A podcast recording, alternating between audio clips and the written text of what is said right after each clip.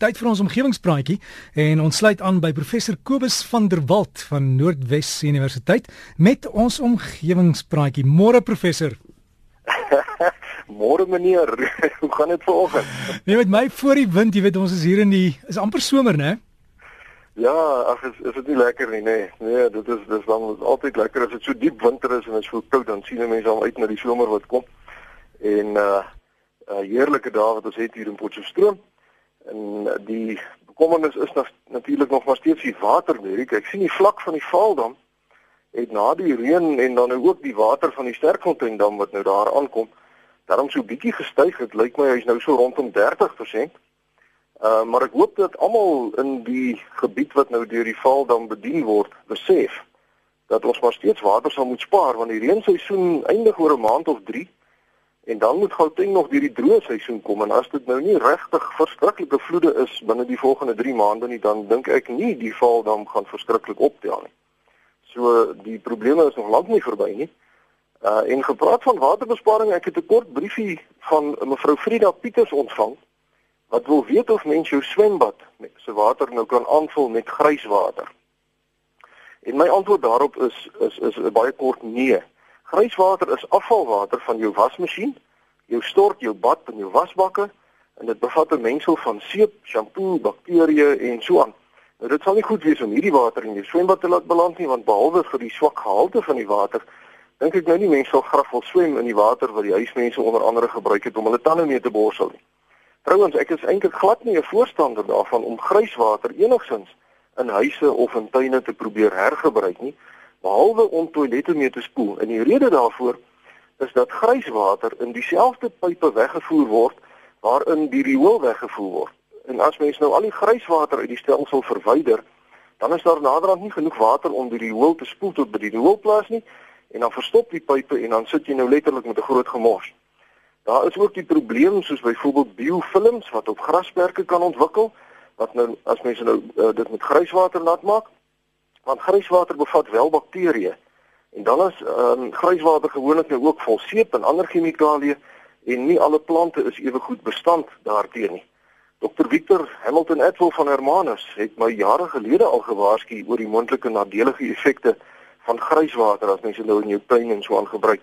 En ek het dit destyds in een van die omgewingspraatjies behandel, ek onthou nog. Ehm um, so ek het eintlik nog net een stelsel gesien waar grijswater na my mening korrek aangewend word En dit is 'n handewasbakkie wat wat so bo op 'n toilet se bak aangebring is sodat die wasbak se water dan nou binne in die toilet se tank inloop. En as jy dan die toilet spoel dan word dit dan nou met grijswater gedoen, maar op hierdie wyse beland die grijswater steeds in die rioolstelsel en help dit om die riool dan na die behandelingsaanleg toe te spoel. In teenstelling met die hergebruik van grijswater is ek egter 100% ten gunste van die oes van reënwater van ons dakke af. En ek het onlangs by my huis die daad by die woord gevoeg. Ek het 'n uh, van hierdie swart plastiekpyp gekoop wat sommer net so R6 per meter kos. En ek het uh, dit toe deur een van die geete se afvoerpype gedruk. So dit lyk nog heel netjies. Dit lyk of daar 'n geet sit.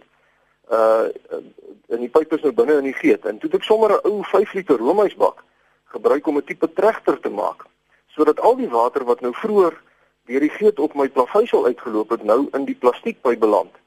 En hierdie plastiekpyp het ek uh, nou na my swembad toe herlei. Uh, of 'n mens kan dit na 'n tank toe herlei uh, of jy kan uh, as die swembad in die tank nou vol is, kan jy die pyp sommer op die grasperk sit of in jou blombeddings. Nou ek het die pyp by my huis netjies gemonteer met 'n paar elmbogies en T-stukke en dit werk soos 'n bom. Uh, ek het 'n paar foto's daarvan op omgewingspraatjies se Facebook bladsy geplaas vir die wat belangstel. En dit het verlede week so twee keer hier in Potchefstroom gereën en nie beduidend nie, so 10-15 mm op 'n slag en toe loop my swembad amper oor. So 'n mens kan regtig betekenisvolle volumes water op hierdie wyse opvang, selfs van 'n redelike klein dakkie af. So om op te som, Dirk, die oes van reënwater maak na my mening baie meer sin as die hergebruik van grijswater. En ek dink veral nie dat mens grijswater behoort te gebruik om jou swembad mee aan te vul nie. En Dirk, dan wil ek graag 'n tweede brief gou-gou behandel. Ek sien daar is al nog so 'n bietjie tyd. Ehm um, dit gaan oor iets heeltemal anders en dit kom van meneer Willem Botha van Kenhardt se wêreld af. En hy skryf dat hulle radio ontvangs maar swak is daar in die ver wêreld.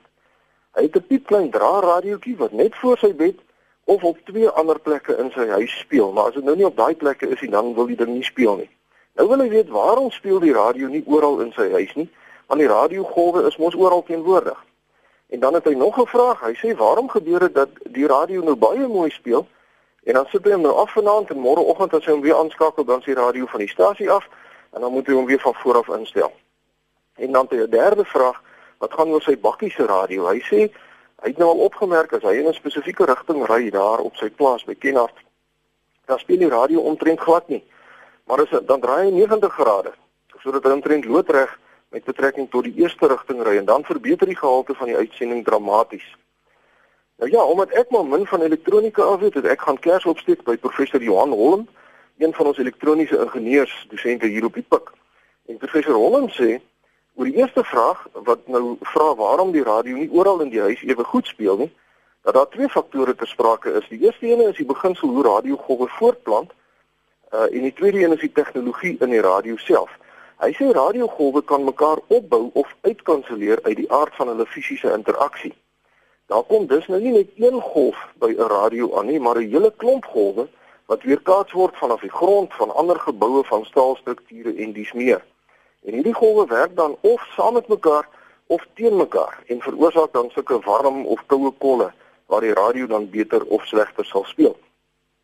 Oor die feit dat die radio van self van die stasie afgaan as mense hom nou afsit, sê professor Holland dat die rede daarvoor is dat goedkope radio's baie deur temperatuur beïnvloed word. Uh, hulle word warm as hy speel en as jy hom afskakel dan word hy weer koud en op hierdie wyse verander die waardes van sommige van die elektroniese komponente. Hy sê die korrekte Engelse term is drifting. En dit veroorsaak dan dat die radio dat die radio nie presies ingestem bly op die frekwensie wat mense nou wil hê nie. En selfs klein stampies kan die komponente van waarde laat verander. Uh, soos byvoorbeeld as jy hom nou aansit of afskakel. Uh en dan die verklaring vir die bakkie se radio wat beter speel as mense nou in 'n sekere rigting ry. Professor Holm sê die ontvangs van 'n karradio hang af van die oriëntasie van die antenna ten opsigte van die uitsaai toring. Die antennes ontvang nie altyd ewe goed in alle rigtings nie en dit word onder andere deur die geometrie van die voertuig self beïnvloed.